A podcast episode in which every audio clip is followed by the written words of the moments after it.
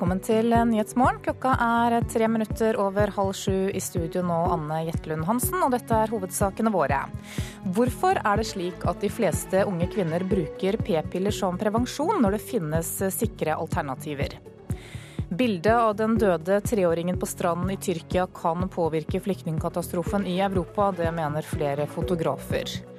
Og barn med fattige foreldre ligger an til å bli fattige selv, men ifølge pedagoger så kan tidlig innsats i barnehagen gjøre forskjellene mindre.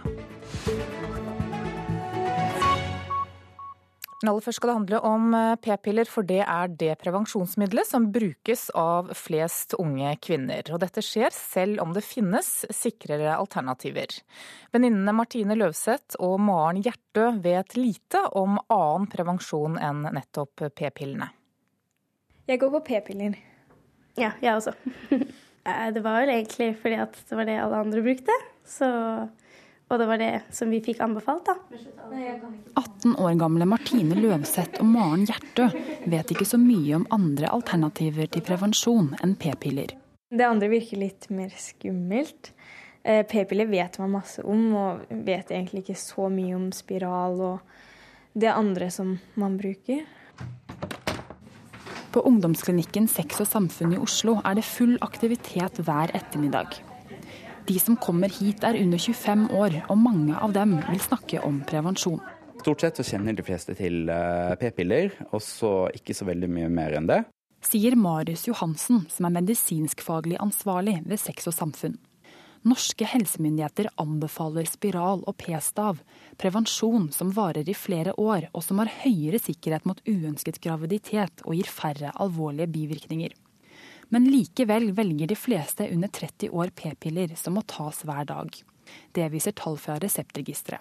Hadde veldig mange flere av de yngste prevensjonsbrukerne istedenfor å begynne på p-piller, begynt på eh, p-stav eller spiral som sin første prevensjon, så ville vi unngått eh, minst mange hundre uønska graviditeter hos de helt unge i dag. Marius Johansen mener leger og helsesøstre gir for dårlig informasjon om alternative prevensjonsmidler. Nei, jeg tror eh, dessverre at det er sånn at f.eks. i en travel eh, fastlegehverdag eh, kommer det en kvinne inn og sier hei, jeg ønsker p-piller, så vil ofte legen eller helsesøsteren da på helsestasjonen tilby p-piller, for da er man raskt over med konsultasjonen. Kritikken avvises fullstendig av Petter Brelin, som er leder i Norsk forening for allmennmedisin. Jeg kjenner meg ikke helt igjen i det. Jeg opplever at både fastleger og helsesøstre tar eh, disse unge kvinnene på alvor, bruker tid når vi skal snakke om prevensjon, og informerer om de forskjellige prevensjonsmidlene som er tilgjengelige. Venninnene Maren og Martine er nysgjerrige på andre prevensjonsmidler. På en måte så kan p-piller være litt vanskelig iblant, fordi man må alltid ta den til rett tid hele tida. Det virker mye enklere hvis man går på en spiral. Man trenger ikke å gjøre noe med det.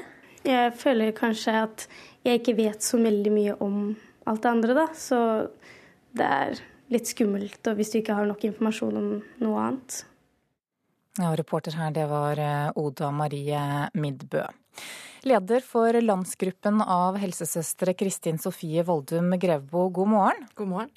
Du, er det slik at leger og helsesøstre gir for dårlig informasjon om alternative prevensjonsmidler? Jeg kan jo ikke si, Når ungdommen her sier at de eh, opplever det sånn, så, så får vi ta det på, eh, det på, alvor. Eh, det som er situasjonen i dag for helsesøstre, er at vi kan skrive ut p-piller til unge jenter. Og vi, hvis vi skal gi annen type prevensjon, så må det være på delegasjon fra lege, som det heter. Så det betyr at at når unge jenter kommer til oss, så er det det, det alternativet vi inntil nå har kunnet gi dem. Men dette er noe som kommer til å endre seg fra, fra nyttår. Da har eh, vår rett til å skri, eh, forskrive prevensjon blitt utvidet, som det heter, for jordmødre og helsesøstre. Og da kan vi også skrive ut eh, annen type langtidsvirkende prevensjon og gi tilbud om dette. Men er det slik at Når det kommer unge jenter til deg eller til dere, da, at dere da henviser videre til lege og informerer om disse andre langtidsvirkende prevensjonsmidlene også? Ja, jeg opplever, jeg opplever, at fra helsemyndighetenes side, så til de unge jentene som vi gir, eh, har mulighet til prevensjon til, da, mellom 16 og 19 år, så er det eh, p-piller som har vært, eh, vært den eh, mest klare anbefalingen. Eh, og spesielle typer p-piller, de som har eh, minst mulig bivirkninger. Så det, så det har blitt sett på som et godt alternativ for de fleste, da. Men hvis, de, hvis, kvinner ønsker, eller de unge jentene da, som vi møter, ønsker en annen type prevensjon, så, så må vi henvise videre. Det er, det er helt riktig. Med mindre legen der man jobber har eh, gitt den, den delegasjonen, som det heter. da, og, og, da må man også ha en eh, spesiell opplæring. For dette handler jo mer enn å skifte fra et pillemerke til et annet. Du trenger ordentlig opplæring for å kunne, kunne sette inn spiral, f.eks. Men en ung jente som har lyst til å begynne på prevensjon, har kanskje ikke hørt om så mye annet eh, enn p-piller, f.eks.? Nei, det, det, det, er nok riktig. Men det som jeg syns er viktig å trekke inn i denne debatten, eller hva vi skal kalle det, er at Eh, etter at eh, jordmødre og helsesøstre fikk mulighet til å skrive ut p-piller, så har jo faktisk eh, abortraten i denne aldersgruppen gått veldig ned. Så det tyder jo på at det egentlig har vært en, en suksess. Og, og, jeg tenker at det er så vi, så vi, må på en måte ikke tenke at p-piller er et dårlig alternativ. Men nå vet vi at det fins andre, bedre alternativer. Og derfor er altså Norge i ferd med å rigge et opplegg. Og det fra nyttår så kan da helsesøstre og jordmødre skrive ut annen type prevensjon, og da vil det bli gitt opplæring i det, og så vil dette snart bli et uh, tilbud som, uh, som, brer seg mer utover, da. Uh, ja. Kristin Sofie Voldum Grevbo, takk for at du kom hit til Nyhetsmorgen.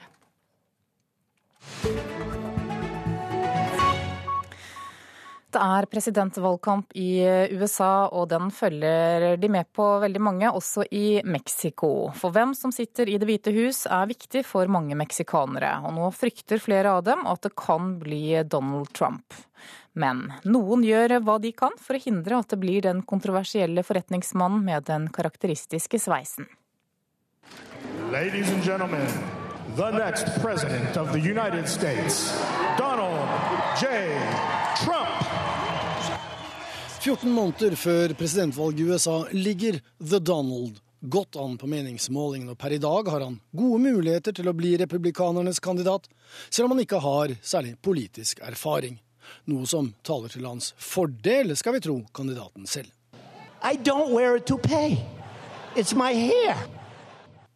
Han har kommet med kontroversielle uttalelser, ikke minst om meksikanere i alminnelighet, og meksikanere som oppholder seg illegalt i USA i særdeleshet. Han vil kaste dem ut og bygge et gjerde, slik at de ikke kan komme seg tilbake.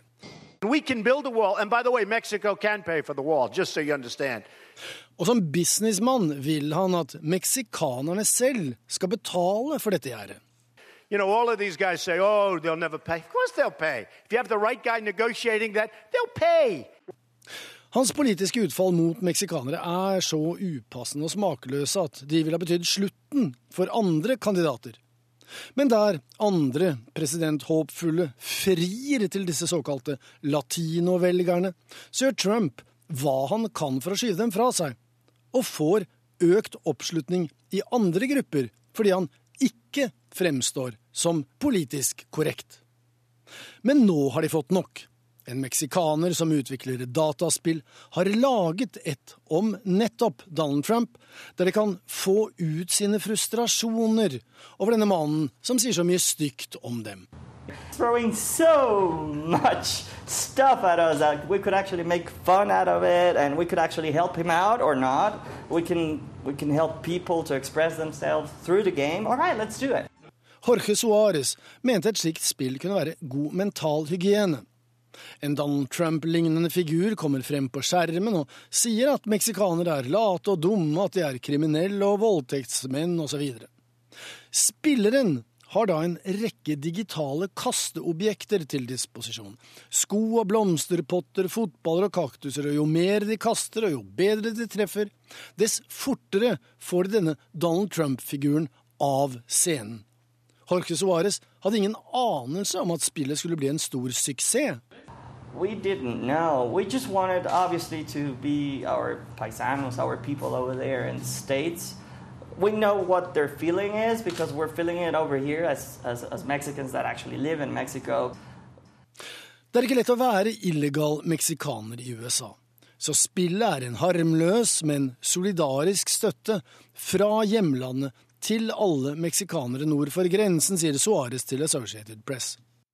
But being over there and, and, and having all this harshness and opinions about it, maybe they would like to just express themselves. And we would rather have them express themselves in a, in a playful manner without hurting anyone instead of doing something crazy. Men aldri så godt at det ikke er galt for noe. Trump er ikke blitt mangemilliardær i dollar for ingenting. Ifølge Suárez har folk i Trump for president-kampanjen forstått at dette er en god businessidé som de kan dra nytte av. De vil bare at Suárez bytter ut stein, balltrær og tomme tequilaflasker med blomster, serpentiner og konfetti, for da kan nemlig også tilhengere spille trampealo, som spillet heter. Ja, det sa reporter Joar Hoel Larsen. Skal vi se hva avisene er opptatt av i dag. VG forteller historien til den tre år gamle gutten som ble skylt i land på stranda i den tyrkiske byen Bodrum. Bildet av tre år gamle Aylan som ligger i vannkanten med ansiktet ned i sanden er publisert over store deler av verden, og han og broren Galip på fem er to av de mange flyktningene fra Syria som har mistet livet på vei til Europa.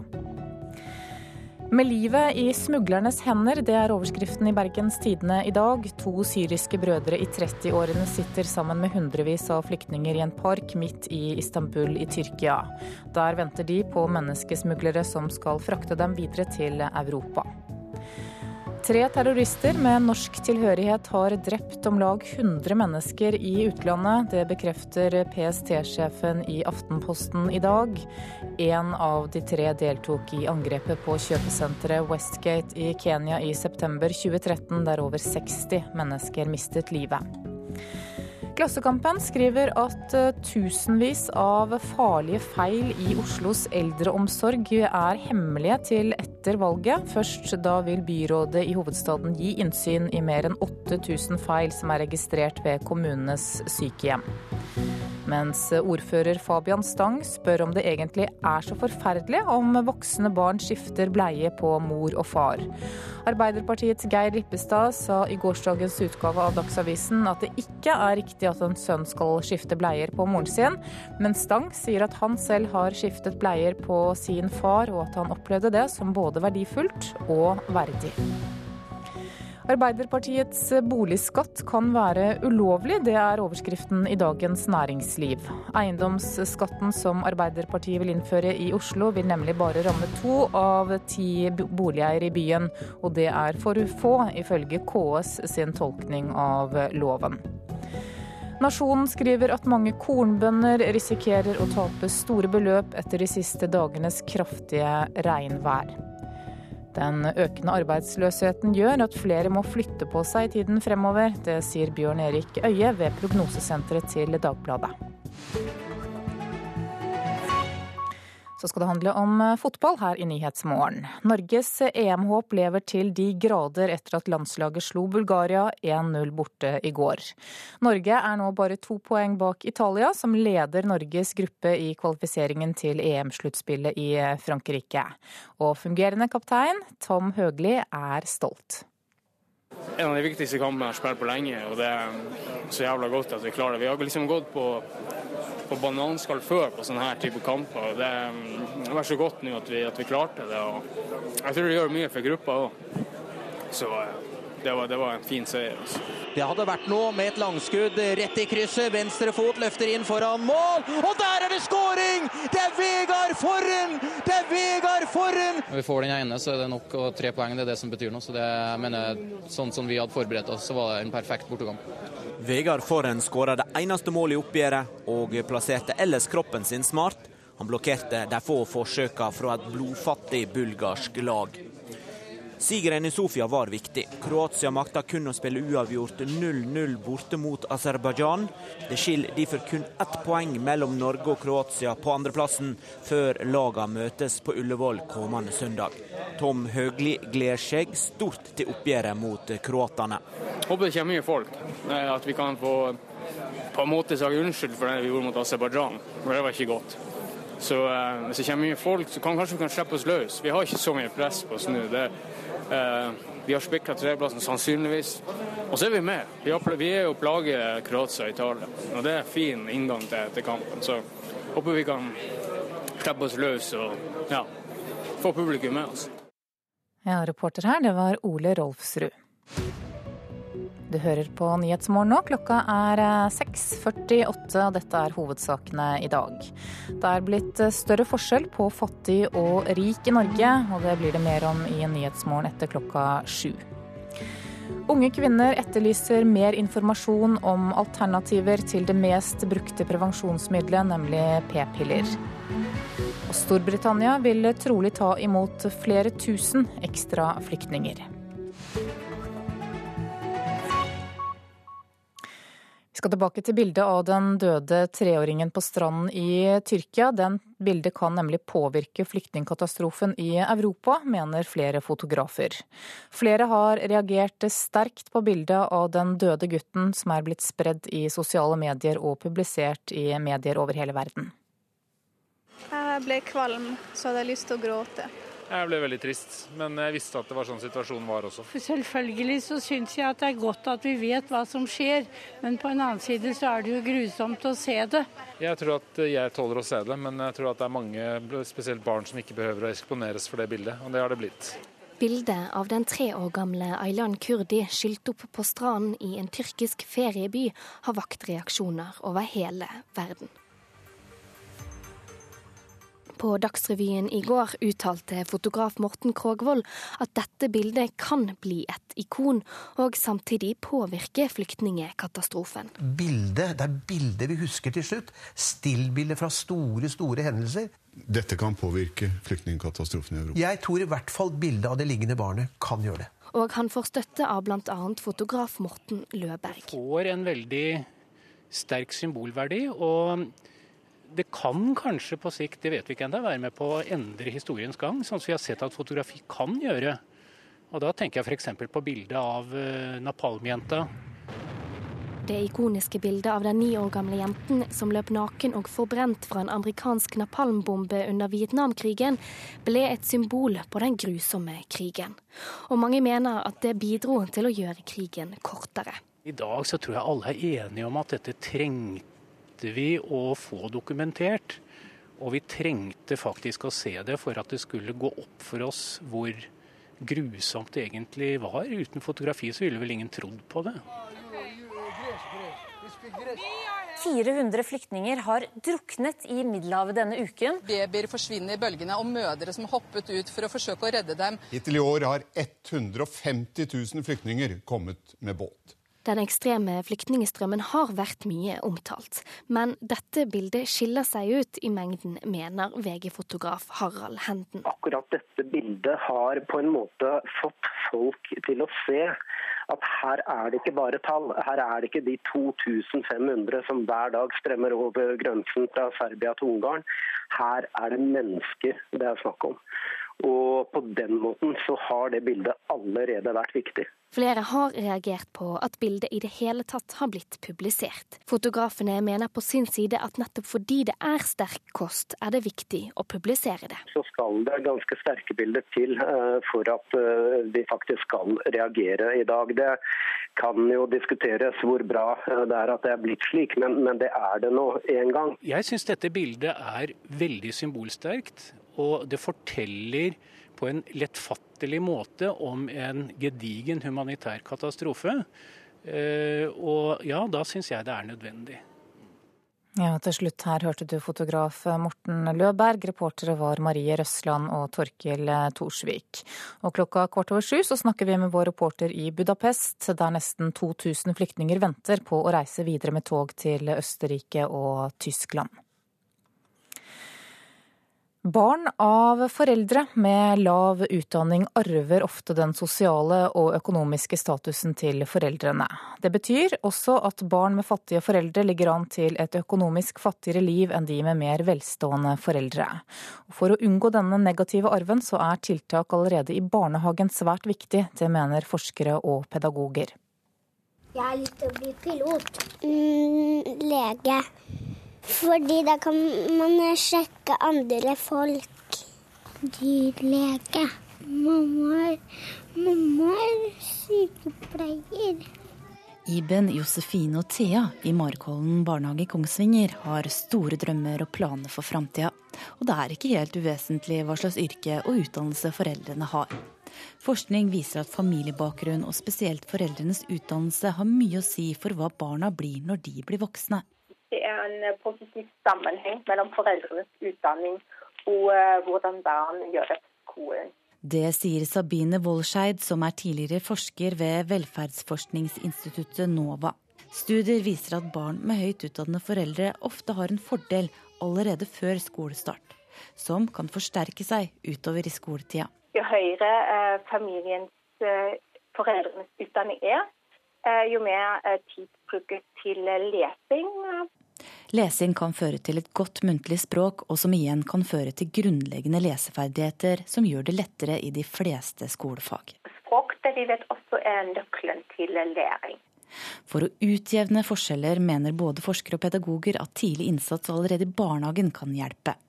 Det kan jo være at årsakene for senere frafall at de kan ligge eh, tidlig knyttet til tidlig oppvekstfase. Undersøkelser gjort både i Norge og internasjonalt viser at 10% av barn mellom 6 og 10 år har språkvansker. Og 10-12% av barn under 18 år har en form for atferdsvanske. Og det er klart at vi ser også det at vi må gi noen barn eh, litt mer fordi at de trenger det, og fordi at de skal bli lik de andre. Pedagog Nina Sandberg i Marikollen barnehage ser barn med ulike behov hver dag, og mener at det bør bli mer fokus på det forebyggende arbeidet i barnehagene. Overgangen til skolen skal bli så smidig som mulig. Det er mange som har store drømmer i barnehagen, og det er mange ting som skal til for å nå målet sitt. Hva tror du du må gjøre for å bli lege, egentlig? Mm, gå, gå på Lære meg det. Hvordan blir man eh, pilot eh, da, tror du? Man må spise masse grønnsaker. Og så må man passe på at man gjør det riktig. Ja, til slutt her hørte vi fem år gamle Thea i Marikholm barnehage i Kongsvinger, og reporter det var Ann-Kristin Mo. Reiselivet i Ytre Namdal i Trøndelag har en omsetning som tilsvarer 42 arbeidsplasser. Det viser en ny analyse. Det er kystkultursenteret Norveg som er den klart største og viktigste bedriften, og som er blitt et fyrtårn for reiselivet. We have it, we have it in Lübeck too. Yes, yes, yes. Lübeck. Lübeck was also a, Hansa, yes. a powerful member of the Hansen. Eh, Vi er med på omvisning på Rørvik. En liten gruppe tyske turister har vært på Norveg, er innom Bryggan og skal nå inn i Berggården. En ny ringvirkningsanalyse for turismen i Ytre Namdal viser at museet midt med fyrtårnet Norveg drar om lag 40 000 turister årlig til sine attraksjoner. Kristin Kjønsø er guide for vår gruppe, og for mange av de andre som kommer. Det er veldig mange. Turismen i Ytre Namdal og museene er en viktig brikke i samfunnet. Det viser den nye ringvirkningsanalysen. For turistene legger igjen verdier. 47 millioner kroner i året beregnes omsetninga nå til. Det tilsvarer 42 arbeidsplasser. For tyskerne fra Lübeck som får omvisning, er det stor interesse for det som blir vist fram. Uh.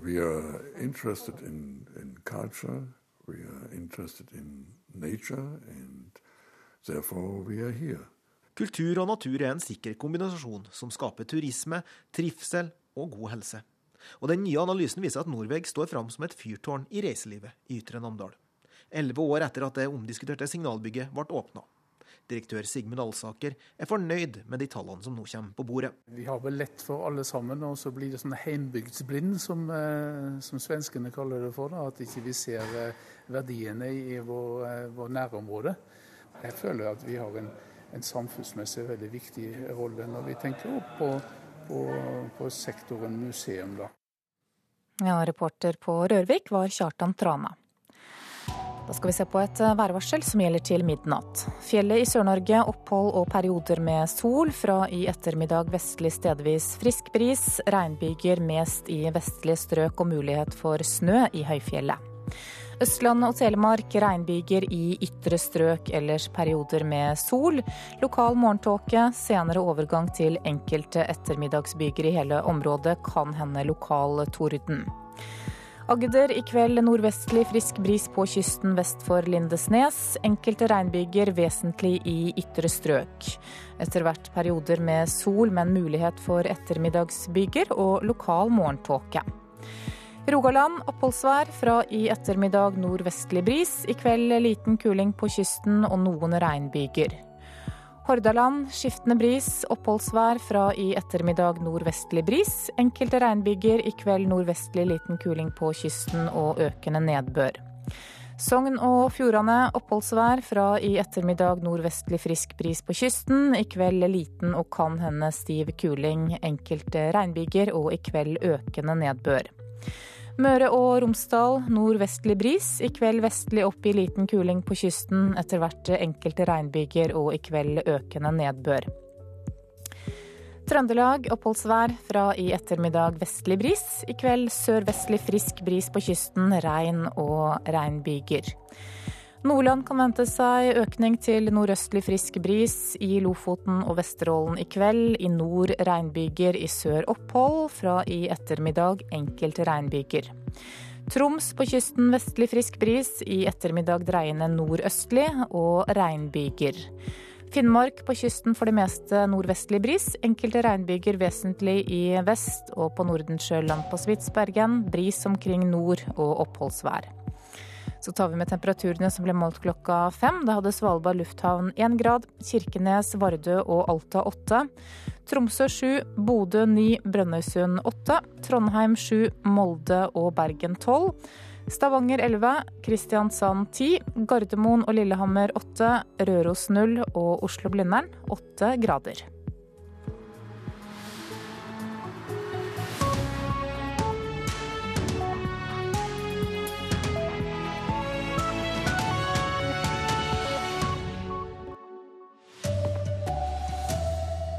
Skolestart for seksåringer har ikke ført til at elevene lærer mer.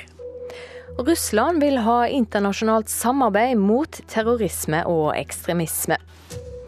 Her er NRK Dagsnytt klokka sju. Skolestart for seksåringer, som ble innført i 1997, ser ikke ut til å påvirke karakterene i ungdomsskolen. Reformer ser heller ikke ut til å ha noe å si for om elevene gjennomfører videregående skole. Universitetet i Oslo har sammen med Statistisk sentralbyrå gjennomført en studie av det første seksårskullet i 1997, skriver Dagsavisen.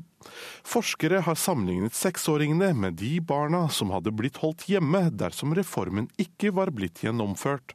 Ifølge førsteamanuensis Tarjei Havnes på Økonomisk institutt ved Universitetet i Oslo, er det ikke slik at barna som begynte på skolen som seksåringer, har gjort det bedre enn de andre. Men Havnes sier at hverdagen til seksåringene har forandret seg. Nå har de mer skole, noe som kan både være positivt og negativt for elevene. Det sa reporter Fouad Asharki.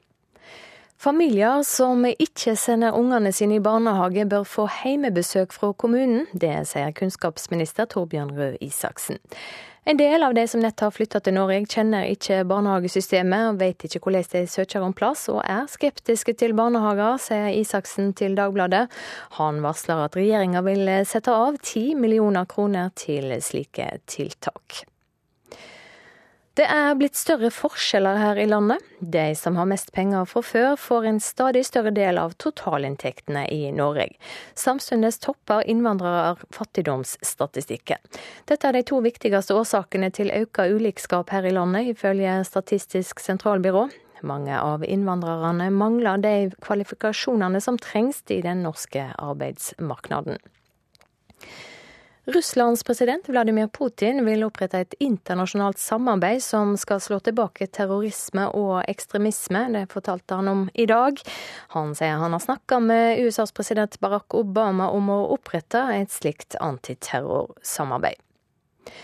Og I dag skal utenriksministrene i EU møtes for å snakke om den økende flyktningkrisa. Bondebildet av en død treåring har ført til økt press mot de europeiske lederne om å håndtere den mest omfattende flyktningkrisa i verdensdelen siden andre verdenskrig. Og Samtidig som politikerne krangler om hvor mange flyktninger hvert land skal ta imot, er situasjonen fastlåst for tusenvis av desperate flyktninger i Ungarn som ønsker seg videre til Østerrike og Tyskland. NRK Dagsnytt, Silje Sande. Klokka er 7.03 nå. Nyhetsmorgen fortsetter med disse sakene. Det blir større forskjell på fattig og rik i Norge. Hva kan vi egentlig gjøre med det? Regjeringen vil ha flere ingeniører i arbeid, og setter nå inn tiltak i statsbudsjettet for neste år. Og så skal vi til direkte til vår korrespondent i Budapest i Ungarn, der situasjonen på togstasjonen fortsatt er svært spent. Men aller først nå skal vi høre at de rike her i landet blir stadig rikere. Samtidig topper innvandrere fattigdomsstatistikken. Dette er de to viktigste årsakene til økt ulikhet i Norge, ifølge Statistisk sentralbyrå.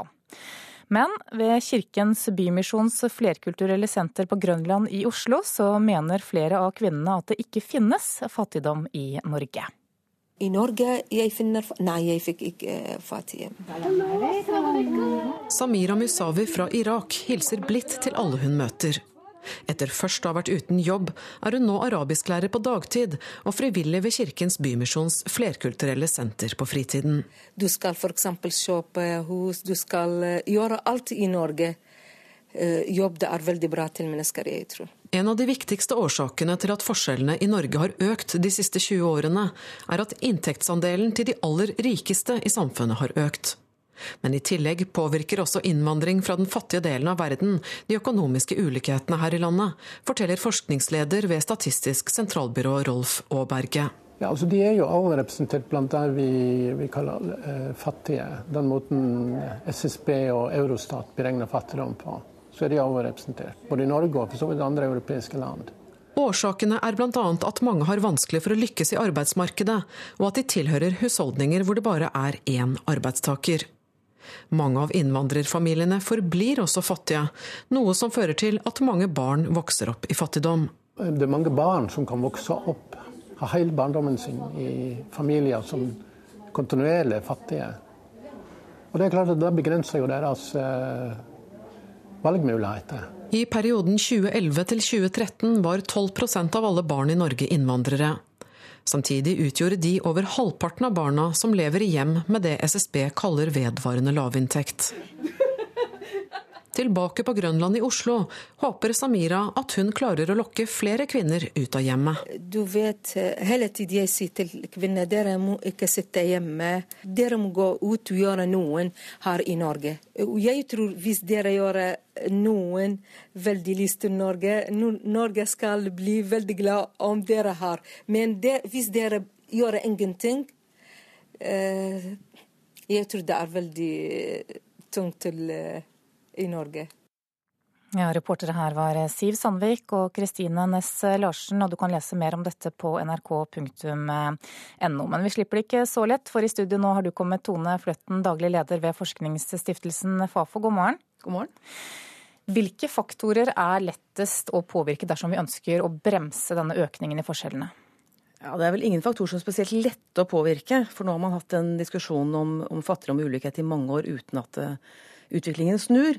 Uh, og det er litt avhengig av hva man skal gjøre. Skal man gjøre noe med de som, det, som drar fra i toppen, eller skal man gjøre med de som, som blir hengende etter i bunnen? Uh, man kan gjøre en del med skattesystemet. Det er selvfølgelig mye å gjøre med, for innvandrere med kompetanseheving og språkopplæring for å sikre at flere kommer i arbeid og får bedre betalt jobber hvis de er i arbeidsmarkedet. Og hvis folk er, helt, uh, er så langt unna arbeid at det er helt urealistisk, så har vi jo bare velferdssystemet igjen for å gjøre noe med disse problemene. Men det er vel heller ikke alle som er enig i at det er målet, å, å bremse disse forskjellene? Jeg tror vel de fleste har lyst til å bli kvitt fattigdommen. Eh, hvor mye ulikhet et samfunn kan ha eller kan tåle, er det større uenighet om. Eh, men det er vel ikke så mange som ønsker en økende ulikhet i Norge. Men det noen, eh, kan det ha noen positive effekter ved at de rike blir rikere, f.eks.? Jeg syns det er vanskelig å se noen positive effekter av økt ulikhet. Eh, jeg er mye mer redd for at det kan sette i gang prosesser som vi har vanskelighet med å stoppe etter hvert. Så det, og de aller fleste fagmiljøer, de fleste organisasjoner som OECD, EU, Verdensbanken og de aller fleste lands regjering er bekymra for økt ulikhet. Du var innom noe av det, men hvilke tiltak er viktige da for å løfte de innvandrerne som befinner seg i disse lavinntektsgruppene? Jeg tror det er veldig viktig med, med utdanning og kompetanseheving og, og språkopplæring. Eh, mange av de som kommer som flyktninger, kommer jo ikke til Norge for å jobbe, men de kommer til Norge av humanitære årsaker. Og mange av de har problemer med å, å lett komme inn i norske arbeidsmarkedet. Så klart da, da man gjøre ganske mye for å øke deres kompetanse, sånn at de kan, kan komme inn i arbeidsmarkedet. Og Barn med innvandrerbakgrunn står jo også for det meste av økningen blant fattige barn her i landet. Hvor alvorlig er det? Ja, Barnefattigdom er jo alvorlig uansett, eh, bl.a. fordi at fattigdom ser ut til å gå til en viss grad gå i arv.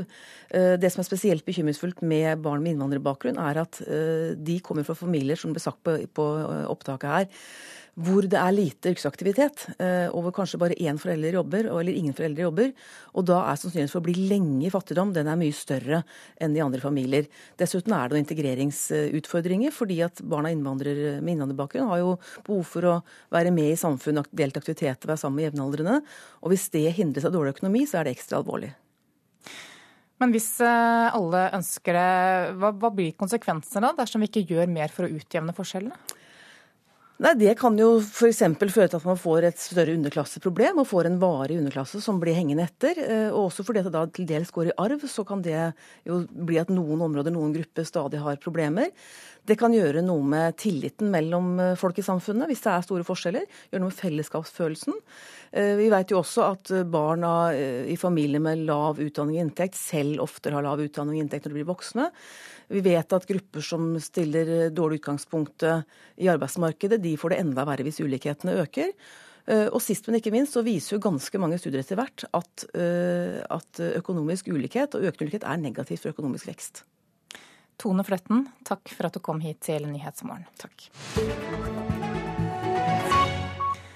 Skal vi høre at eh, regjeringen vil bruke tiltak i statsbudsjettet for å få flere ingeniører i arbeid. Det kraftige fallet i oljeprisen har gjort at mange ingeniører i petroleumsnæringen har mistet jobben det siste året.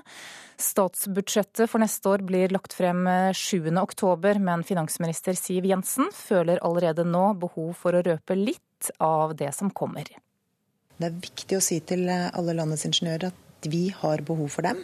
Både eh, i olje- og gassnæringen i tiden som kommer, men også i andre næringer. Og vi har uløste oppgaver. Derfor eh, øker vi trykket på de, slik at de kan få jobb i stedet for eh, å gå uvirksomme. Fallet i oljeprisen har satt sine tydelige spor i arbeidsledighetstallene til Nav. Gruppen ingeniør- og IKT-fag har hatt den største økningen i arbeidsledigheten det siste året. 7000 er nå enten helt ledige eller på tiltak, og stadig kommer det nye varsler om nedbemanninger. Men det er absolutt bruk for dem, sier statsminister Erna Solberg. Vi trenger teknologisk kompetanse. og Dessverre så er det jo sånn at nå ser vi at ledighetstallene stiger. Derfor er det viktig for oss å løfte aktiviteten som tilbyr ingeniører jobb. For det er mye vi skal ha gjort i vårt samfunn, og derfor lanserer vi en egen pakke om det. I pakken finner vi bl.a. mer penger til forskning i oljenæringen, mer penger til bygging av vei og jernbane, det skal bli lettere for ingeniører å starte egen bedrift, og flere ingeniører skal ansettes som lærere. Velkommen etter, sier Arbeiderpartiets finanspolitiske talsperson Marianne Martinsen. Jeg syns det er veldig gledelig å se at regjeringa har latt seg inspirere av den tiltakspakka som Arbeiderpartiet la fram for kort tid siden. Eh, de vil styrke noen forskningsprogrammer, de vil bruke ingeniører som har mista jobben som lærere, de vil styrke ordninger for gründere. Og selv om vi mener at vi har en litt annen innretning og treffer bedre på noen av tiltakene, så er det mye som er mistenkelig eh, likt. Så det er klart at vi kunne jo spart oss en del tid, da, hvis regjeringa bare hadde sagt fra begynnelsen av at de syntes at Arbeiderpartiet hadde gode forslag. Eh, så er dette mye mindre i omfang enn det vi la fram, og vi regner med at det kommer mer fra regjeringa også, så det, det blir spennende å se helheten. Også president i Norges ingeniør- og teknologiorganisasjon, Trond Markussen, skulle gjerne sett mer fra regjeringen. Men aller helst skulle han sett at tiltakene kom raskere enn i budsjettet for 2016 altfor lenge å vente. Det er gode tiltak, og vi ønsker jo å få det inn som permanente tiltak i statsbudsjettet. Så vi imøteser eh, hva, hva, hva, som ligger i dette. Men vi tenker akutt. Hva gjør vi med de som er arbeidsledige i dag? Nå står det mange arbeidsledige ingeniører som har lyst til å komme, som ønsker å komme i jobb. Vi trenger dem. Hva kan vi gjøre på kort sikt? Ja, reportere her var Halvard Norum og Linda Reinholdsen. Klokka er tolv minutter over sju nå. Du hører på Nyhetsmorgen, og dette er hovedsakene. De rike her i landet blir stadig rikere. Samtidig topper innvandrere fattigdomsstatistikken. Storbritannia kommer trolig til å ta imot flere tusen ekstra flyktninger. Og følg oss videre. Foreldre ringer kjendisøkonomer og ber om økonomirådgivning for barna sine. På togstasjonen i Budapest i Ungarn så er situasjonen fortsatt vanskelig. Nesten 2000 flyktninger har siden tirsdag blitt nektet å reise videre med tog til Østerrike og Tyskland fordi ungarske myndigheter mener de ikke har de nødvendige dokumentene. Samtidig er det uklart hva som vil skje med de rundt 500 flyktningene som nektes å gå av toget for å bringes til et asylmottak ved byen Bikske i går. Og korrespondent Guri Nordstrøm, hvordan er situasjonen nå? Ja, I Bishke sent i går kveld så var situasjonen fortsatt uavklart, da flere av de som var om bord i toget nekter å gå av. De nekter også å motta mat og drikke fra politiet, fordi de sier de er redd dette skal inneholde noe, noe farlig. Eh, de sier de nekter å dra, fordi de, det de krever er å reise, få reist videre til Østerrike. Og her i Budapest så er det fortsatt fullt av mennesker som bor på stasjonen. Eh, de reiser ikke videre fordi eh, de har ikke mulighet til å komme seg på noen internasjonale eh, togstrekninger. Alle internasjonale tog var også i går kansellert. Det er særlig barnefamiliene som har blitt igjen på togstasjonen her i Budapest. De klarte ikke å presse seg på da da togene kom i går. Men mange av de sier jo at de er glad for det nå, fordi eh, da hadde de ikke kommet eh, særlig langt. Og det er jo ingen som vil tilbake til disse asylmottakene, fordi de sier at der er det ikke eh, verdige forhold. Der får vi verken mat, vann eller soveplass. Da er det mye bedre å være her på stasjonen og komme seg med tog så fort som mulig. Hva sier eh, ungarske myndigheter nå om dramaet som utspiller seg? Ja, Statsminister Viktor Urban var i eh, EU-kommisjonen i går. og Der sier han at dette er jo ikke et eh, europeisk problem, dette er et tysk problem. Det er ingen som ønsker å bli Ungarn, Slovakia, Polen, Estland. Alle vil til Tyskland, og vår jobb er bare å registrere de som kommer. Videre sier han at han ikke ønsker store muslimske grupper i Ungarn, og mener at landet bør ha rett til å bestemme om de skal ha det eller ei. Og så mener han at flertallet av de som kommer, ikke er flyktninger, men mennesker som kun kommer fordi de ønsker seg bedre økonomiske kår. Og når det gjelder dette spørsmålene om å ha bindende kvoter for fordeling av flyktninger i europeiske land, slik andre EU-land har ønsket, så er han sterkt imot det. Han mener at det bare vil fungere som en invitasjon på flere migranter og mer menneskesmuglere skal vi videre til eh, Storbritannia, som lenge har vært kritisert for ikke å ta inn flyktninger, for eh, der er myndighetene i ferd med å snu. Statsminister David Cameron sier landet vil oppfylle det han kaller sine moralske forpliktelser, og dette kommer dagen etter at den samme Cameron sa at det å ta inn flere flyktninger ikke var noen løsning. Storbritannia-korrespondent Espen Aas, hvorfor denne plutselige kursendringen? Ja, Det fremstår jo unektelig som noe paradoksalt at landets leder den ene dagen slår fast mer enn noen gang tidligere at han ikke vil fire på avgjørelsen om å ikke ta inn flyktninger, for så å snakke om disse såkalte moralske forpliktelsene. Noe skjedde nok på onsdag kveld og i går morges, da et par etter hvert så velkjente små ofre fra denne flyktningkatastrofen kom veldig nært på mange. Nesten alle avisene her trykket bilde av eh, den døde kroppen til den tre år gamle eh, gutten. Og Cameron sa i et intervju i går at eh, han som far ble rørt av det han så, og da også la til at Storbritannia er en moralsk nasjon som skal oppfylle sine moralske forpliktelser. Men det er jo en annen del av historien her også, selvsagt, og det har vært et voldsomt press fra mange EU-land, ikke minst fra Tyskland og også faktisk etter hvert presset press innad i hans eget parti. Et av de partiene som har vært strengest eh, når det gjelder å argumentere mot å ta inn flyktninger. Men hva betyr det konkret da, at landet skal oppfylle moralske forpliktelser? Ja, Det er under utredning i Downing Street nummer ti eh, i øyeblikket. Ehm, Cameron var rask til å vise til hva ehm, landet bruker av penger på nødhjelp, at de har sendt skip til Middelhavet. Men det er også klart at landet nå skal ta inn det som omtales som flere tusen ekstra flyktninger, eh, hovedsakelig fra FN-leirer langs grensen til Syria. Hvor mange flere tusen betyr, gjenstår da å se, men det er også antydet at ikke det blir snakk om titusener, men altså noen tusener. Og så langt eh, har da Storbritannia tatt imot 5000 syrere siden konflikten startet eh, i det landet for nå flere år siden. Hvordan vil du beskrive den politiske stemningen i Storbritannia i dette spørsmålet nå? Også her har det skjedd mye på, på, kort tid, og flere partier som de skotske nasjonalistene, tidligere regjeringspartner Liberaldemokratene, har presset hardt på regjeringen nå de siste dagene. Også enkeltmedlemmer fra Labour, som tidligere har vært litt mer tilbakeholdne, har eh, ment at det har vært en skammelig steil holdning fra eh, Storbritannia. Eh, men mange innad i regjeringspartiet har også uttalt eh, frykt for at dersom landet begynner nå å åpne for å ta imot flere, så kommer også enda flere til å legge ut på den farefulle ferden over Middelhavet, eller la seg utnytte av hensynsløse menneskesmuglere. Og Cameron gjentok også i går at eh, det å ta imot flyktninger alene ikke er noen løsning. At det som må skje, er at noe gjøres med president Assad, og også med slakterne i IS, som han kalte dem. Og hva sier folk flest? Her er det nok også et uh, visst stemningsskifte på gang. Uh, du hører flyktningkrisen bli diskutert på gata på en helt annen måte enn før. Storbritannia har jo lenge nå vært preget av en tretthet over høy innvandring både fra mange EU-land og også de som har søkt asyl utenfor EU.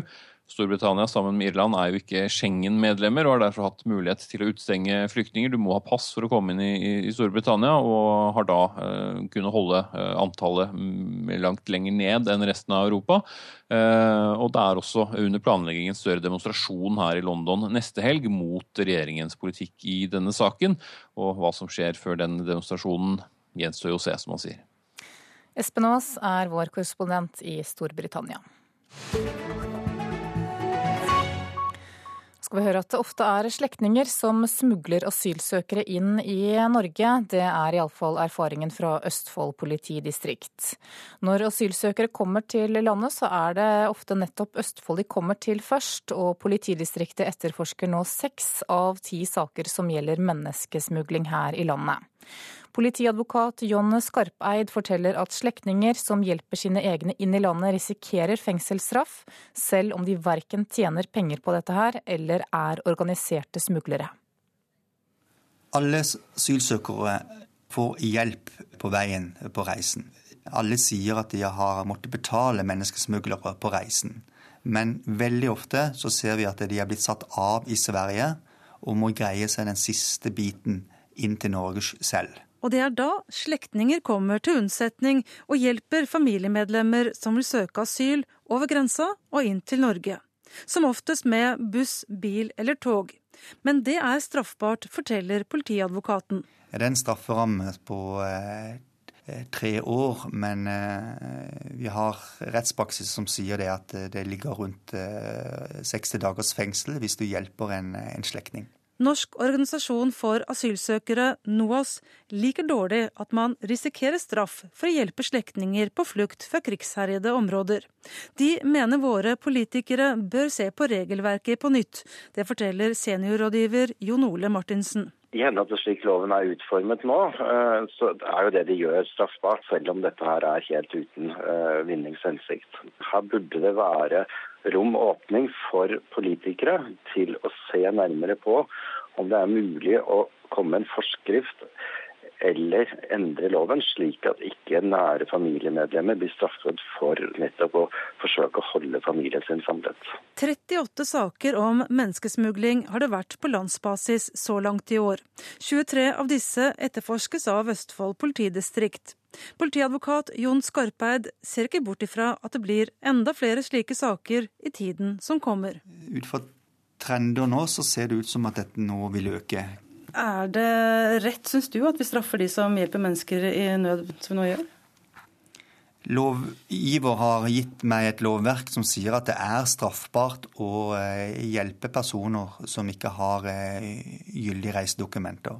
Eh, vi ønsker å, å ta de profesjonelle smuglerne som tjener penger på dette, og de straffes strengt. Mens det de som bare er slektninger som hjelper slektninger, så er det en liten straffverdighet i det. Reporter var Heidi Gomnes skal vi se hva avisene har på sine forsider i dag. I VG kan du lese historien om den tre år gamle gutten som ble skylt i land på stranda i den tyrkiske byen Bodrum. Bildet av tre år gamle Aylan, som ligger i vannkanten med ansiktet ned i sanden, er publisert over store deler av verden. Han og broren Galip på fem er to av de mange flyktningene fra Syria som har mistet livet på vei til Europa. Tre terrorister med norsk tilhørighet har drept 100 mennesker i utlandet. Det bekrefter PST-sjefen i Aftenposten i dag. En av de tre deltok i angrepet på kjøpesenteret Westgate i Kenya i september 2013, der over 60 mennesker mistet livet. Klassekampen skriver at tusenvis av farlige feil i Oslos eldreomsorg er hemmelige til etter valget. Først da vil byrådet i hovedstaden gi innsyn i mer enn 8000 feil som er registrert ved, ved kommunens sykehjem. Mens ordfører Fabian Stang spør om det egentlig er så forferdelig om voksne barn skifter bleie på mor eller far. Arbeiderpartiets Geir Lippestad sa i gårsdagens utgave av Dagsavisen at det ikke er riktig at en sønn skal skifte bleier på moren sin, men Stang sier at han selv har skiftet bleier på sin far, og at han opplevde det som både verdifullt og verdig. Arbeiderpartiets boligskatt kan være ulovlig, det er overskriften i Dagens Næringsliv. Eiendomsskatten som Arbeiderpartiet vil innføre i Oslo, vil nemlig bare ramme to av ti boligeiere i byen. Og det er for få, ifølge KS sin tolkning av loven. Nasjonen skriver at mange kornbønder risikerer å tape store beløp etter de siste dagenes kraftige regnvær. Nå skal vi høre at eh, flere foreldre ber kjendisøkonomer om økonomirådgivning for barna sine. Blant annet så har DNB fått spørsmål om Silje Sandmæl fra TV3s program Luksusfellen kan snakke med barna for å lære dem elementær økonomi. Hun har mye erfaring med ungdom som tidlig får økonomiske problemer, og ser absolutt at dette er noe barn og unge trenger å lære. Det går mye på uvitenhet. De, de, skjønte ikke, de visste ikke. Altså, de begynner i feil ende. De flytter hjemmefra, og så kommer plutselig regningene som de ikke ante fantes. Altså, koster det med strøm og husleie og telefon og Så fortsetter man å bruke penger på seg selv, og så, så starter man rett og slett i en feil ende. Tar opp kredittkortgjeld, og så er det i gang. Den samlede inkassogjelden for unge voksne i alderen 18 til 26 år i dag er på 1,1 milliard kroner, viser tall fra inkassoselskapet Intrum Justitia. Stadig oftere opplever banker å få henvendelser fra foreldre som ønsker hjelp fra rådgivere for å få barna på rett vei. Og det er en del som spør nettopp etter ekspertise fra Silje Sandmæl, som jo er et kjent ansikt for mange av ungdommene. Ja, jeg får jo ekstremt mange henvendelser, og jeg syns det er eh, veldig, veldig hyggelig. Men jeg får jo ikke, får ikke svart på alle sammen. Men jeg tenker jo at um, Luksusfellen som et program, f.eks., det er jo veldig nyttig for unge å se på. Men det går mye på at foreldre må åpne opp. Altså, Vi snakker ikke om økonomi, det er et sånn tabubelagt tema. Ja, du har sikkert vært litt uh, interessert fordi det kanskje var en sånn litt småkjendis, da. Jeg tror ikke jeg hadde blitt noe flinkere sånn, i å lære økonomi av det.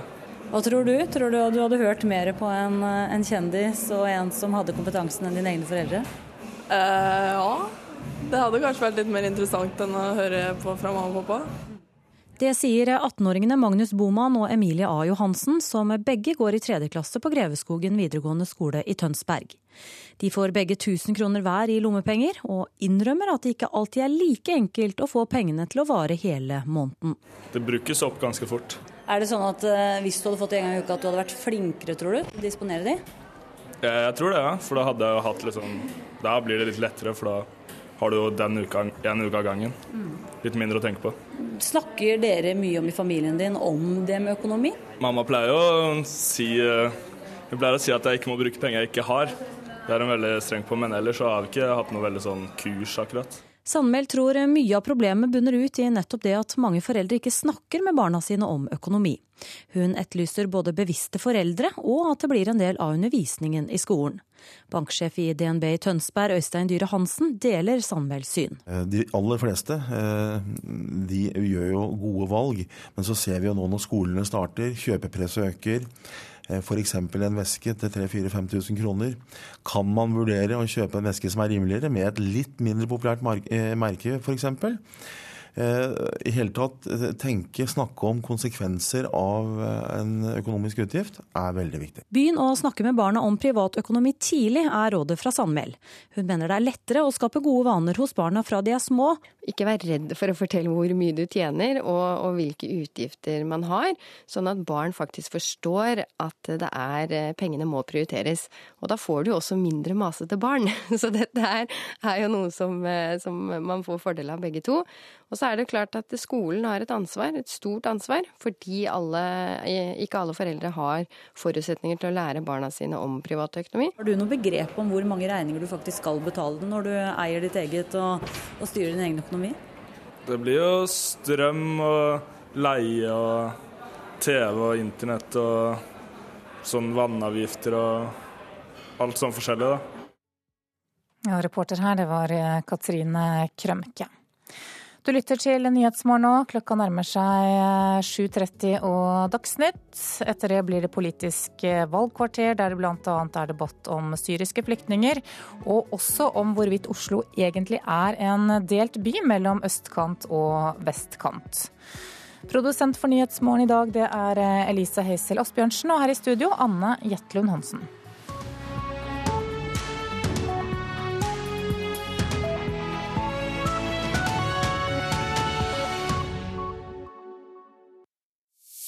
Etter å ha jobbet i syv og et halvt år som skuespiller ved Trøndelag Teater, så fikk plutselig Sissi Henriksen ikke fornyet kontrakten sin og gikk rett i kjelleren.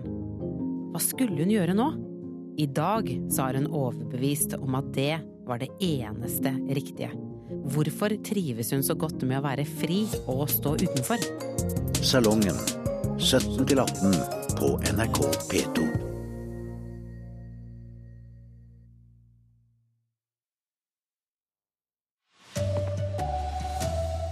Det er blitt større forskjell på fattig og rik her i landet.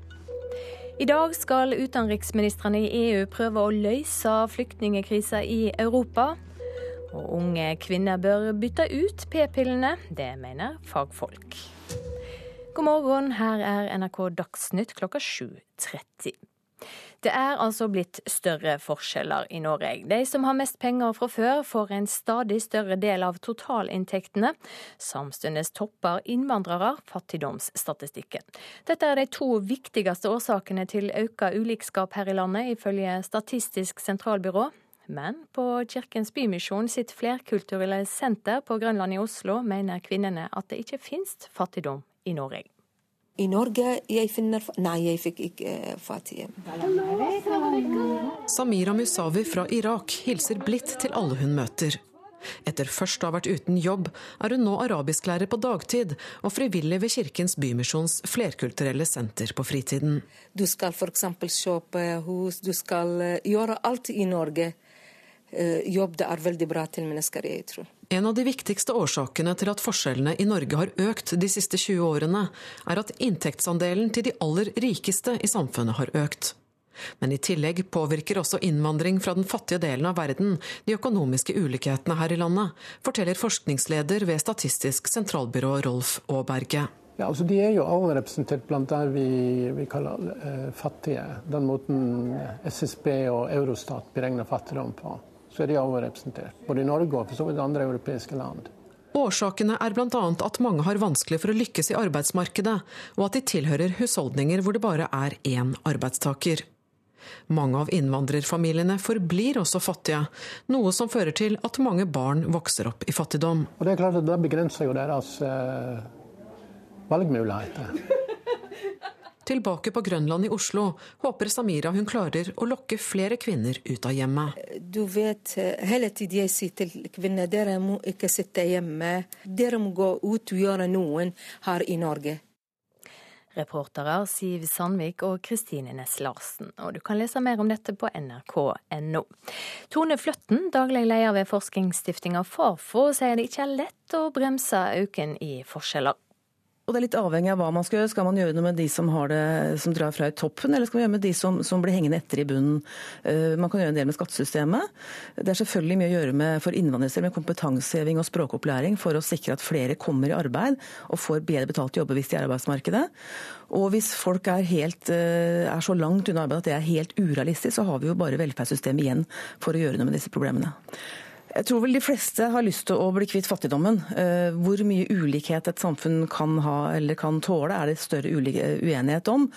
Eh, men det er vel ikke så mange som ønsker en økende ulikhet i Norge.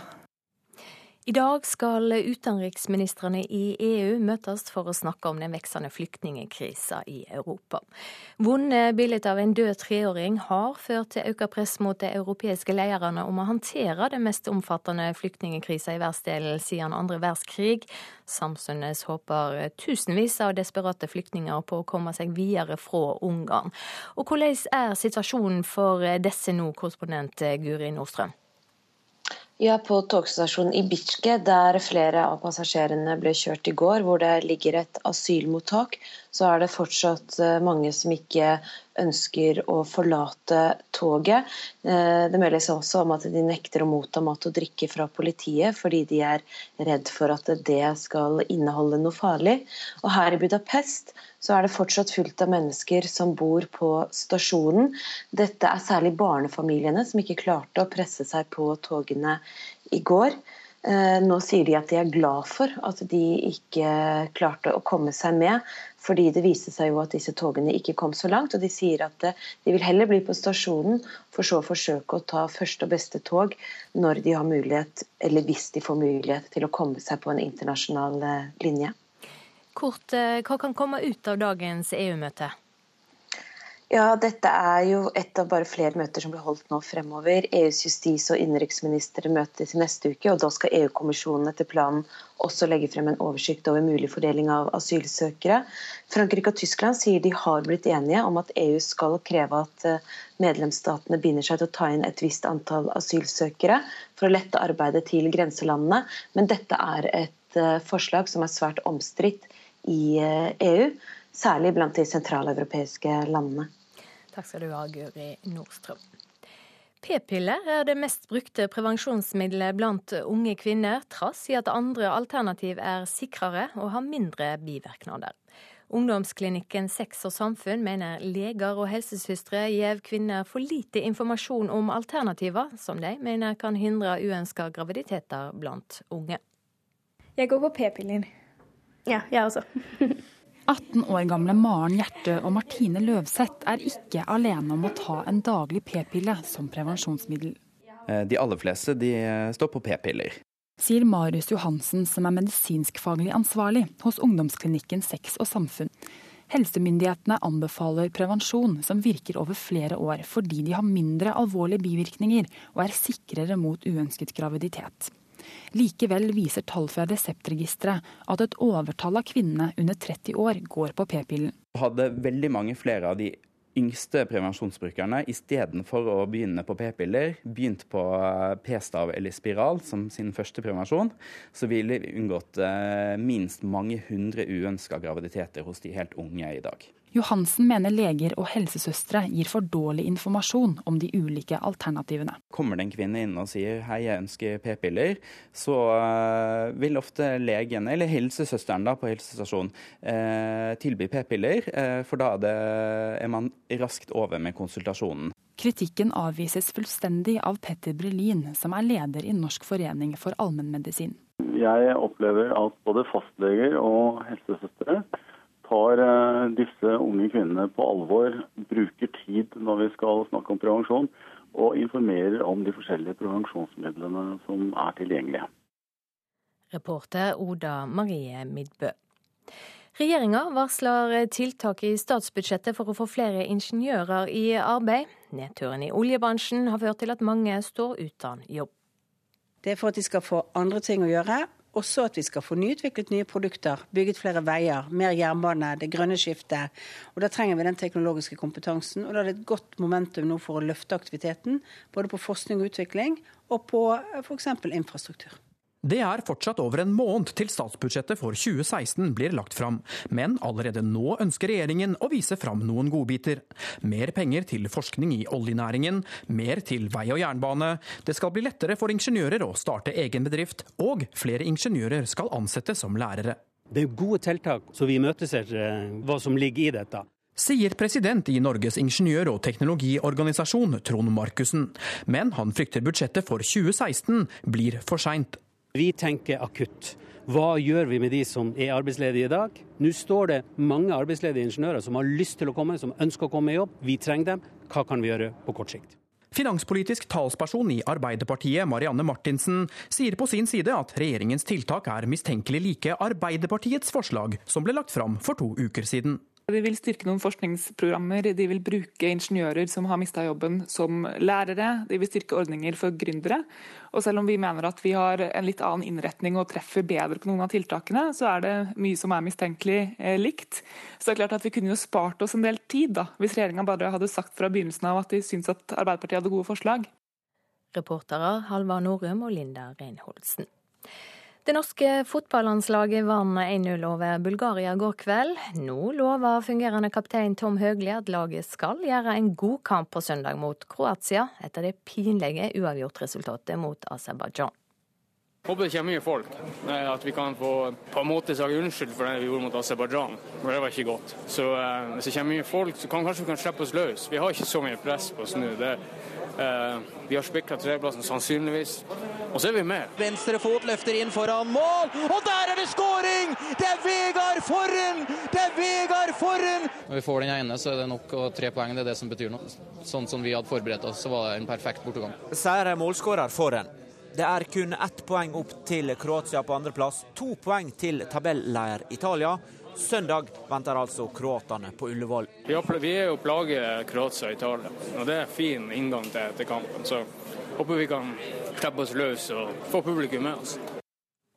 Ja, det sa Tom Høgli til reporter Ole Rolfsrud. Ansvarlig for Dagsnytt denne morgenen, Anne Skårseth. Tekniker Guri Hertzberg Finnsveen. Og i studio Silje Sande.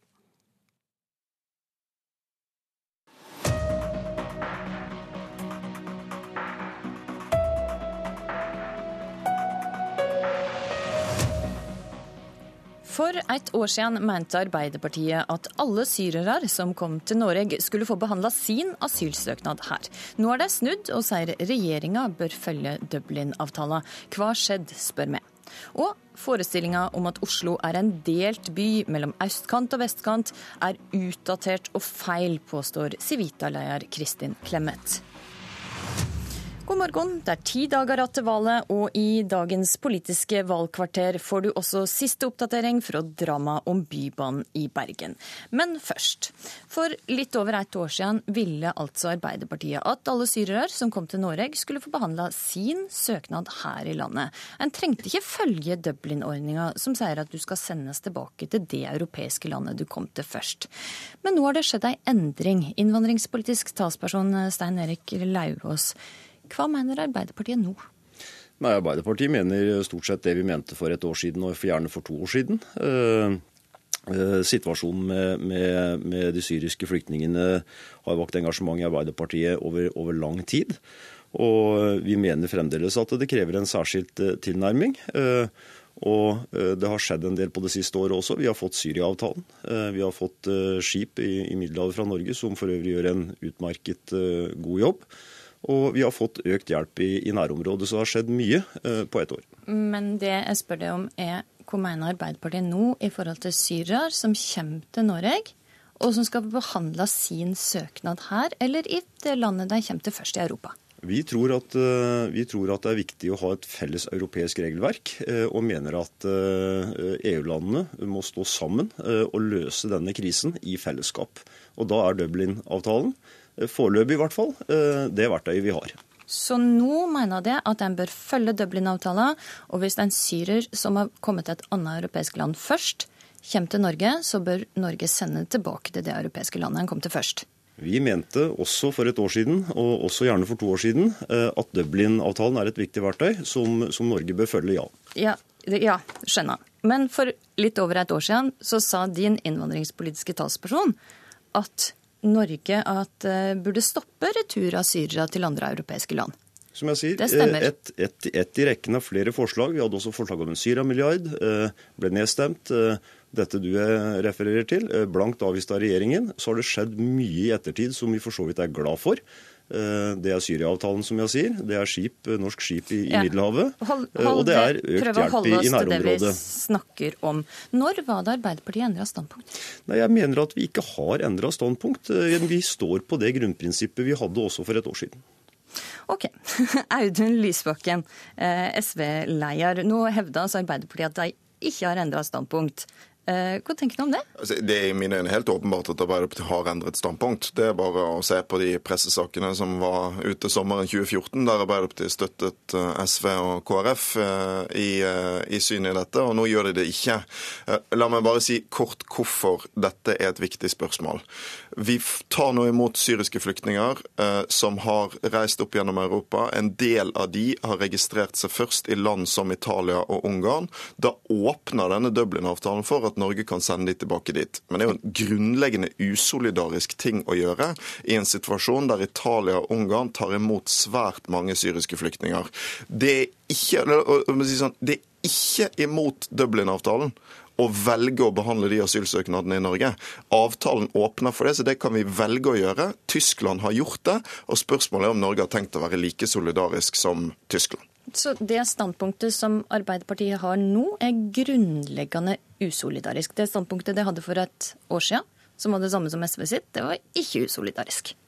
Ja, nei, jeg, jeg følger ikke den argumentasjonen. Vi tror som sagt at eh, det er viktig, i likhet med de fleste eh, land i Europa som jeg har hørt uttale seg, at det er viktig å beholde et felles europeisk regelverk. At vi på en måte smuldrer opp det avtaleverket, det tror vi ikke noen er tjent med. Men det er viktig å, og på en måte at man nå viser politisk lederskap over hele Europa, altså alle Dublin-land, Schengen-land. Eh, for det er helt åpenbart at det er enkelte land i Europa som tar en altfor stor og tung byrde. Eh, og det bør man gjøre noe med. Men vi mener eh, nå, og vi mente tidligere, at det løser vi best ved å gjøre det i fellesskap, og ikke smuldre opp avtalen. Men jeg sitter her med en artikkel med din egen innvandrings, tidligere innvandringspolitiske talsperson, Eirik Syversen, som sier at regjeringa må stoppe retur av asylsyrere til andre europeiske land. Og Så sier han noe mer hvis du leser hele artikkelen. Eh, I prinsippet så mener vi at vi skal stå fast på Dublin-avtalen. Men dette kan du jo, som Lysbakken sier, gjøre innafor Dublin-avtalen. Ja, man, man, det, det, det, er helt riktig som Lysbakken sier. Man kan fravike de eh, reglene. Og så mener vi Men nå at dersom mener vi skal at dette ødelegger for hvis den, hvis den ikke returnerer Syria til det første landet de kom til, nå så mener de at det ødelegger Dublin-avtalen, men det mente ikke det for et år siden. Vi mener at det er viktig at Europa tar et felles ansvar. Og foreløpig, inntil noe annet blir bestemt, så er det Dublin-regelverket, Dublin-avtalen, som vi tror er det beste verktøyet. Eh, og så er det fullt mulig, og det er vi helt åpne for, at vi kan ta en diskusjon på eh, i Stortinget hvorvidt, eh, hvorvidt Norge skal bidra mer enn det vi gjør i dag. Det, det, er vanskelig å følge i Lauvås. fordi at Hvis dere skyver Dublin-avtalen foran dere og er opptatt av at vi skal ha et felles europeisk regelverk, så er det altså ingenting i avtalen som hindrer oss i å si at fordi Italia og Ungarn f.eks. nå tar imot så veldig mange syriske flyktninger, så vil vi ikke bidra enda mer til at de landene overbelastes ved å sende syrere tilbake dit. Det er Ikke bare det innenfor regelverket, det er jo det de søreuropeiske landene ber om, som mange diskuterer og som mange tror er den eneste måten å berge et felles europeisk regelverk på. Så, så, så å skyve det foran seg er, er, for meg veldig vanskelig å forstå. Dette er jo en unik situasjon med et unikt press på europeiske land, og der vi har fått se et unikt hjerterom blant folk i Norge som ønsker at vi skal vise mer solidaritet. Da syns jeg det er uforståelig at Arbeiderpartiet ikke velger å stå sammen med oss, stå sammen med alle de som mobiliserer for flyktningene, men isteden for å stå sammen med Fremskrittspartiet og Høyre i å føre en, en rigid tolkning av denne avtalen, som altså er langt mindre solidarisk enn det Angela Merkel gjør i Tyskland. Ville ikke dette være med på å avlaste andre europeiske land, Leivås? Jo, altså, Syria-avtalen er jo en av de måtene vi gjorde det på. Eh, ta imot 8000 uh, syriske flyktninger. Uh, så man kan ikke si at man på en måte ikke har Nå var jo ikke SV en del av den avtalen, uh, det får SV på en måte svare for selv. Men vi tror altså at skal vi løse denne flyktningkrisen og hjelpe de det gjelder, så tror og mener vi oppriktig at det må Europa gjøre i fellesskap. Og det å på en måte smuldre opp det regelverket, det tror vi ikke er eh, veien å gå.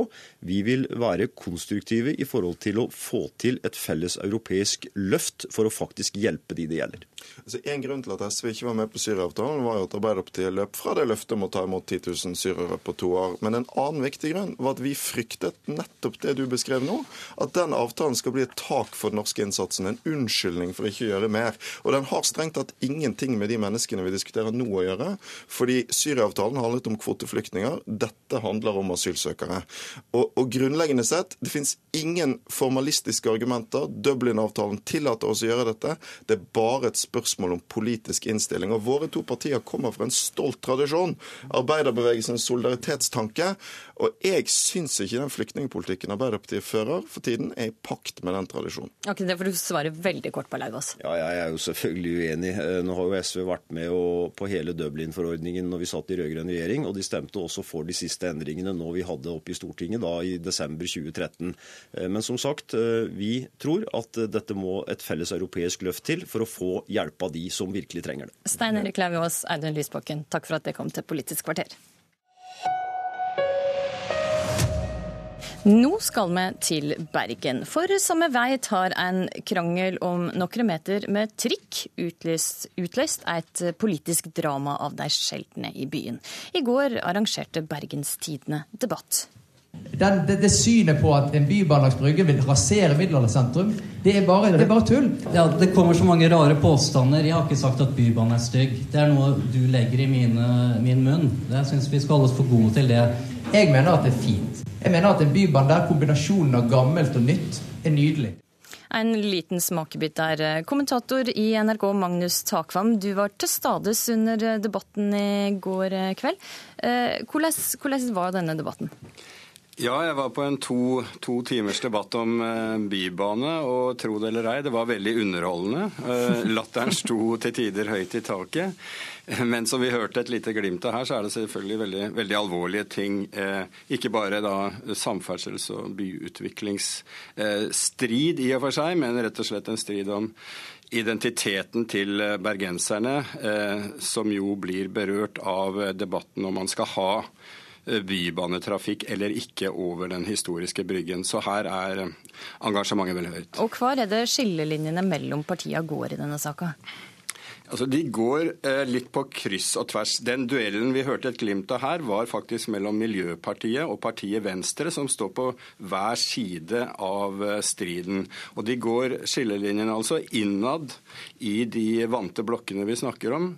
Bare for å illustrere det, i den såkalte borgerlige blokken da, så er Høyre og Frp tilhengere av en tunnelløsning bak Bryggen, mens eh, både KrF og Venstre vil, vil, ha sterkt, veldig sterkt, ha en eh, løsning over Bryggen. Og på den andre siden er det vel egentlig bare SV som da er for en bryggeløsning. Så her er det krevende, vil det bli krevende eh, samtaler og forhandlinger etter, etter, valget. Ja, hvor avgjørende blir disse forhandlingene om Bybanen for hvem som faktisk får makta i Bergen? Ja, det kan faktisk eh, i en gitt situasjon avgjøre hvilken side som vinner by, byrådsmakten.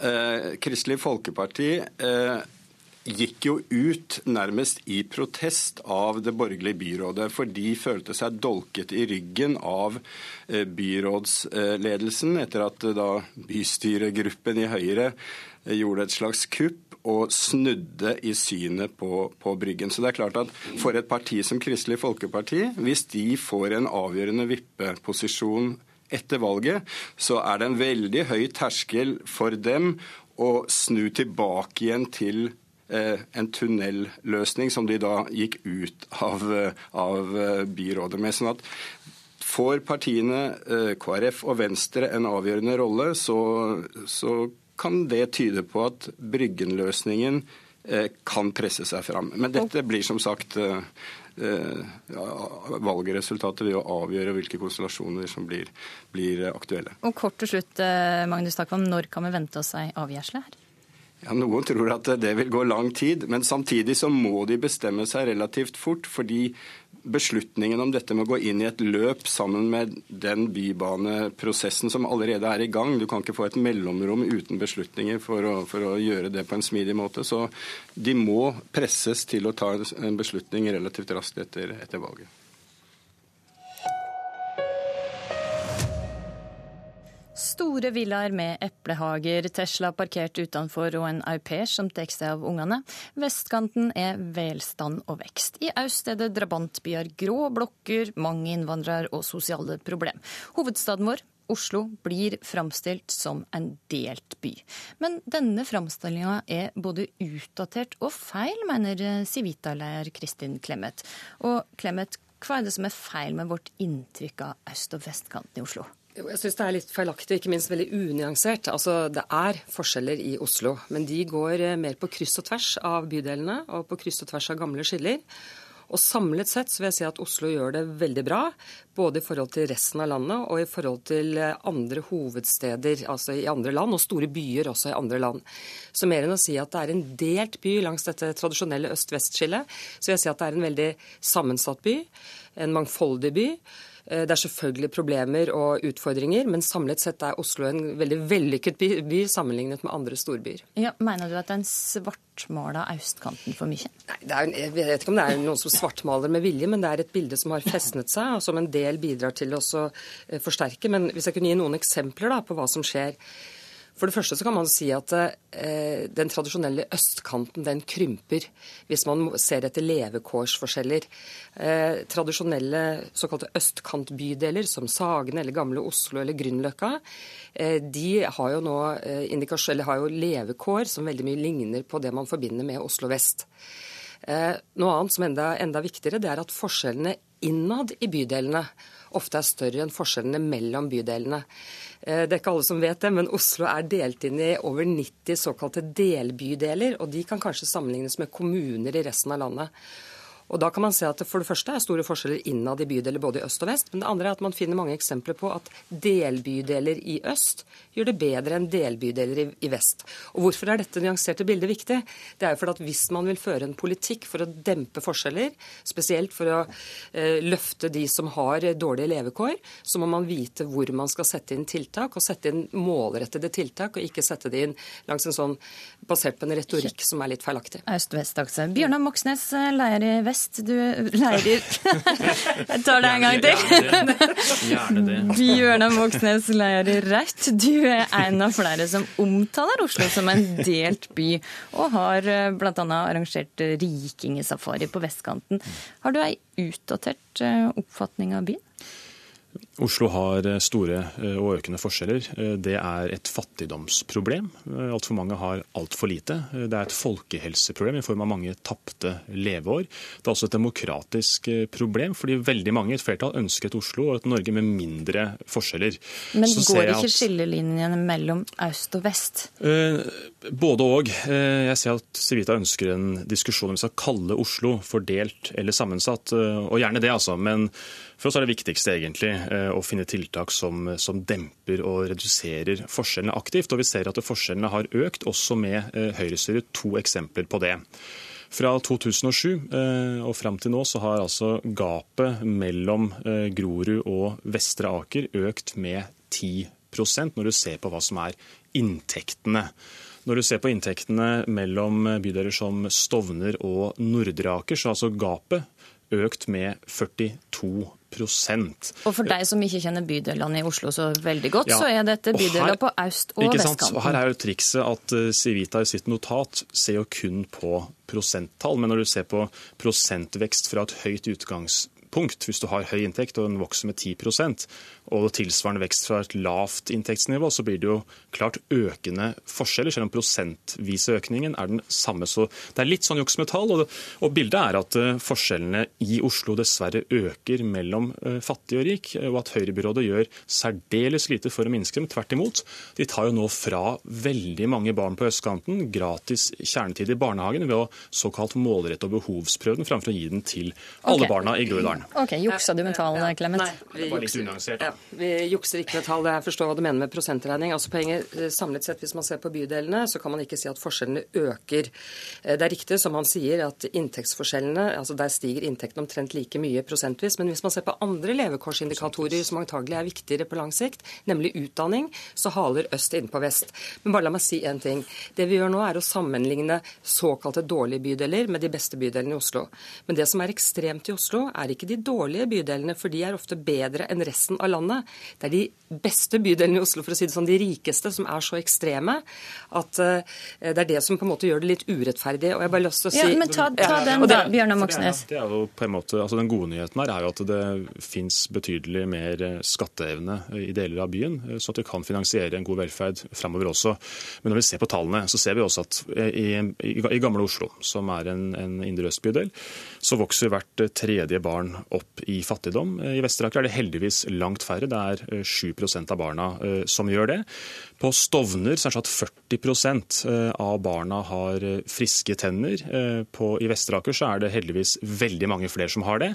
Men å late som det ikke fins forskjeller i Oslo, det mener jeg er, er en tilsnikelse. Men det er vel heller ikke det, Kristin Clemet. Det later ikke som, men jeg syns vi skal komme inn på Men det som er hoved... hoved Det er- det er poenget her. De det, øker. det er jeg ikke enig i, men la, la det ligge. Det som er viktig, er jo det som du omtaler som fattigdomsproblem. Og nå kan man si at dårlige levekår i Oslo de er jo konsentrert nå om de bydelene hvor det er høye innvandrerandeler. Og her Og de fleste av de er jo på østkanten. ja da, men det er jo mange færre bydeler enn det man tradisjonelt regner som øst. Men la meg si at her er det jo selvfølgelig viktig at vi setter inn tiltak. Og det er ikke så rart at nyankomne innvandrere i gjennomsnitt tjener litt mindre enn gjennomsnittet i Oslo. For de kommer ofte uten kompetanse, de mangler nettverk, språk osv. Men det som er viktig, er at de over tid kan bedre levekårene sine. Men det som er aller viktigst, er at deres etterkommere ikke blir, eh, sitter i en eller annen fattigdomsfelle og ikke kan gjøre det bedre utdanningsmessig enn sine foreldre. Og der er det ganske mange gode nyheter. Fordi den satsingen som har vært på skole i Oslo, på utdanning i Norge, gjør at barn av innvandrere de skiller seg veldig lite fra barn det av kan- norske når det gjelder utdanning og arbeid. Og det er ekstremt viktig. Nå er både gutter og jenter av innvandrerforeldre overrepresentert i høyere utdanning i Norge. Det Og det kan love Der- veldig godt for fremtiden. er Der må jeg dessverre avbryte dere. Kristin Clemet, eh, Bjørnar Moxnes, takk for at dere var med i Politisk kvarter. Det blir mer om sosial ulikhet på radio, nett og TV utover dagen. Og i kveld går valgsendinga på TV fra Oslo. Skru på NRK1 klokka 21.30.